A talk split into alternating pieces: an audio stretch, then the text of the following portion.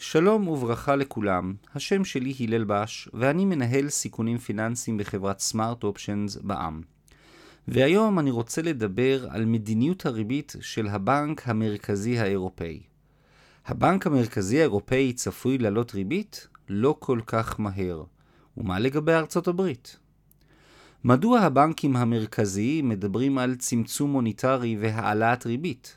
כיצד העלאת הריבית תשפיע על האינפלציה? מדוע ריבית הבסיס של הבנק המרכזי כל כך בעלת השפעה? איך פער הריביות קשור למסחר במטבע חוץ? מדוע הבנק המרכזי האירופאי יותר מוגבל ממקבילו האמריקאי? מה יקרה לשקל? וכמובן, איך המלחמה בין רוסיה לאוקראינה תשפיע. האינפלציה מרימה ראש. עליות מחירים ניכרות כיום בכמעט כל תחום כלכלי. הסיבות לכך מגוונות, אבל נראה כי הסיבה העיקרית הם הביקושים הגואים של תקופת פוסט-קורונה, המלווים עם קשיים ממשיים בשרשרת האספקה העולמית.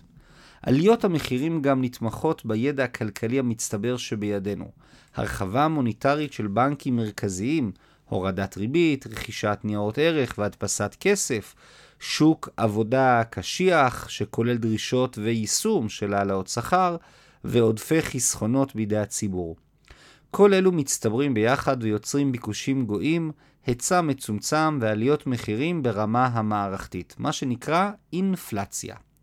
בארצות הברית פורסם על עליית מחירים בהיקף של כמעט 7% בסוף שנת 2021. הבנקים המרכזיים נדרשים להגיב. הבנקים המרכזיים ברחבי העולם נדרשים לבעיית האינפלציה ששוחקת מזומנים ופקדונות ומהווה עלות נוספת ומיותרת על המשק. הפד אמריקאי כבר הכריז כי בניגוד לכל הכרזות העבר שלו, הוא מתכנן כניסה לצמצום מוניטרי והעלאת ריבית ממשית בשנת 2022.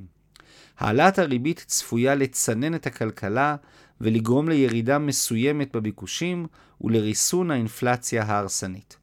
באופן דומה, כלל, מדיניות, כלל מדינות העולם עוקבות בדריכות אחר האינפלציה העולמית והשפעתה המקומית, והן בוחנות את מדיניות הריבית של הבנק המרכזי בכל מקום ומקום. ריבית הבסיס של הבנק המרכזי הריבית הבסיסית שנקבעת על ידי הבנק המרכזי הינה הבסיס לכמעט כל הריביות בכלכלה. עליית ריבית הבנק המרכזי צפויה להגדיל את עלויות המימון לעסקים ולמשקי הבית ולגרום לירידה במחירי האג"חים. מחיר האג"ח והתשואה שלו נעים תמיד בכיוונים מנוגדים. לצורך ההמחשה, ריבית הפריים הישראלית המהווה בסיס אה, כלכלי לכל הלוואה כמעט, או פיקדון, או משכנתה, או הלוואה לרכישת נדל"ן, הינה תמיד 1.5% יותר מריבית הבסיס של בנק ישראל. באופן דומה, בכל רחבי העולם, ריבית הבנק המרכזי מהווה בסיס לכל חישוב מימוני ולכמעט כל הלוואה. העלאת ריבית, גם המדורגת, צפויה לצנן את הכלכלה והביקושים בצורה רוחבית. הבנק המרכזי האירופאי, ה-ECB, ה-European Central Bank. גוש האירו הינו אחד מהאזורים הכלכליים הגדולים בעולם, והוא חולש על מדינות חזקות כמו גרמניה, הולנד וצרפת, ובמקביל, כולל מדינות קצת פחות מפותחות מבחינה כלכלית, כמו יוון, איטליה וספרד.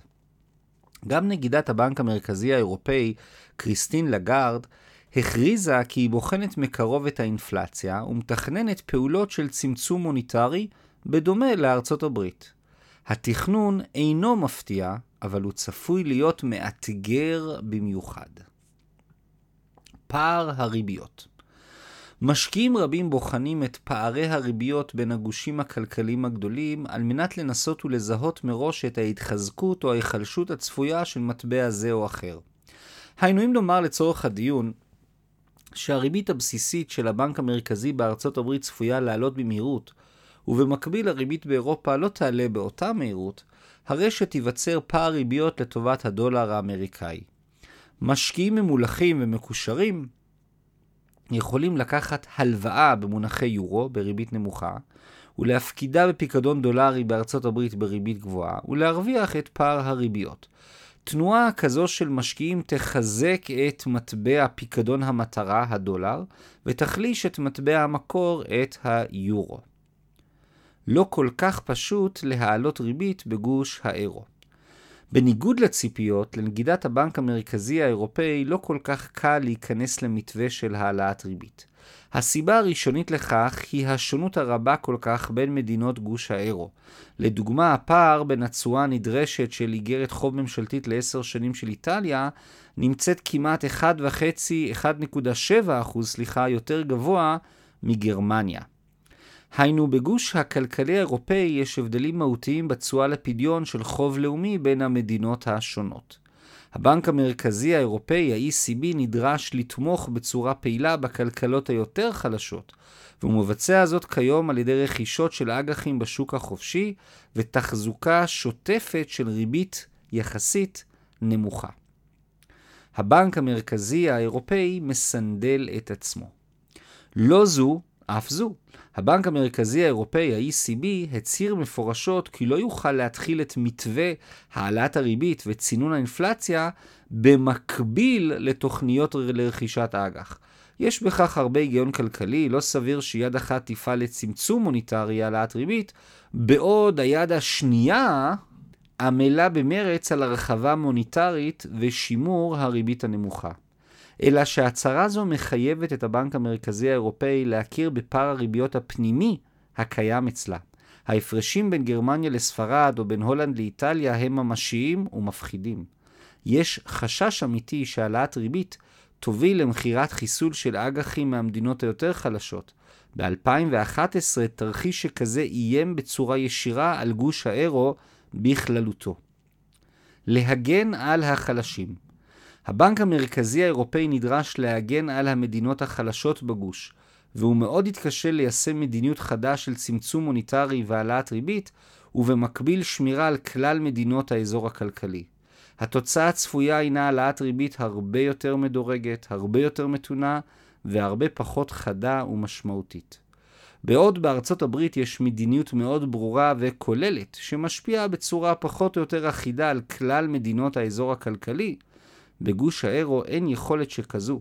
האירופאים חייבים לשקלל את ההשפעות השונות על המדינות השונות ולשים את שרידות האירו עוד לפני המלחמה באינפלציה. הדולר התחזק ביחס לאירו. פער הריביות בין ארצות הברית לאירופה צפוי לעלות, וכתוצאה האירו צפוי להיחלש מול הדולר האמריקאי. למי שיש השקעות נקובות באירו ומטבע ייחוס שלו בדולרים, הוא צריך לשקול גידור סיכוני מטבע חוץ במהירות. ביחס לשקל הישראלי הדברים קצת יותר מורכבים. למרות פער הריביות הצפוי לטובת ארצות הברית, הרי שהדולר, ארצות הברית והשקל הישראלי נחשבים מטבעות מאוד חזקים, כלכלות במצב מקרו-כלכלי טוב, עם צמיחה חזקה וביקושים הולכים וגואים. זה נובע מעוצמתה של הכלכלה הישראלית שרק מתחזקת בשנים ובחודשים האחרונים. מוסיפים שמן למדורה. כל הניתוח מתבסס על שגרה כלכלית בגוש האירו, אבל קולות המלחמה בין, רוס... בין רוסיה לאוקראינה, שהתגברו מאוד בימים ובשבועות האחרונים, צפויים רק להחמיר את המצב. אירופה עומדת מול עלייה קיצונית במחירי האנרגיה, מחסור בגז טבעי שמיובא מהמזרח, וחוסר ודאות פוליטית מול הדוב הרוסי ההרסני. החששות מאינפלציה עוד יותר משמעותיות, ביחד עם האיום של תוקפנות צבאית רוסית נוספת, עלולה להחמיר את הבעיה של הבנק המרכזי האירופאי. אל מול המורכבות החדשה, קשה עד בלתי אפשרי לראות את נגידת הבנק האירופאי מבצעת מהלכים של צמצום מוניטרי ממשי, כפי שארצות הברית מתכננת. גם מול עליות המחירים עוד יותר קיצוניות, אינפלציה גואה, גוש האירו ייאלץ להכריע לטובת שימור האזור הכלכלי. כתוצאה, פער ריביות בין ארצות הברית לגוש האירופאי צפוי לגדול לטובת האמריקאים, שכן הבנק המרכזי האמריקאי אינו מושפע עד כדי כך מהצהרות באירופה, וייתכן ודווקא המתיחות עם רוסיה ועליות מחירי האנרגיה יובילו להעלאות ריבית מהירה יותר בארצות הברית מהמתווה הראשוני המתוכנן. לסיכום, הכלכלה העולמית מתמודדת עם עליות מחירים מערכתיות שנקראות אינפלציה. הבנקים המרכזיים מצהירים ונערכים לצמצום מוניטרי והעלאת ריבית. העלאת הריבית צפויה לצנן את הכלכלה.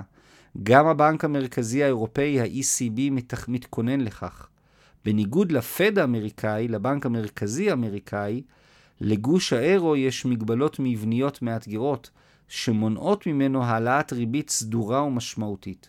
כתוצאה צפוי להיווצר פער ריביות משמעותי לטובת ארצות הברית, מה שיחזק את הדולר האמריקאי כנגד היורו. המלחמה בין רוסיה לאוקראינה ולקהילה הבינלאומית צפוי לשפוך עוד שמן על המדורה וליצור עוד לחצים אינפלציוניים באירופה ובעולם שכרגע נראה שיישארו ללא מענה ישיר.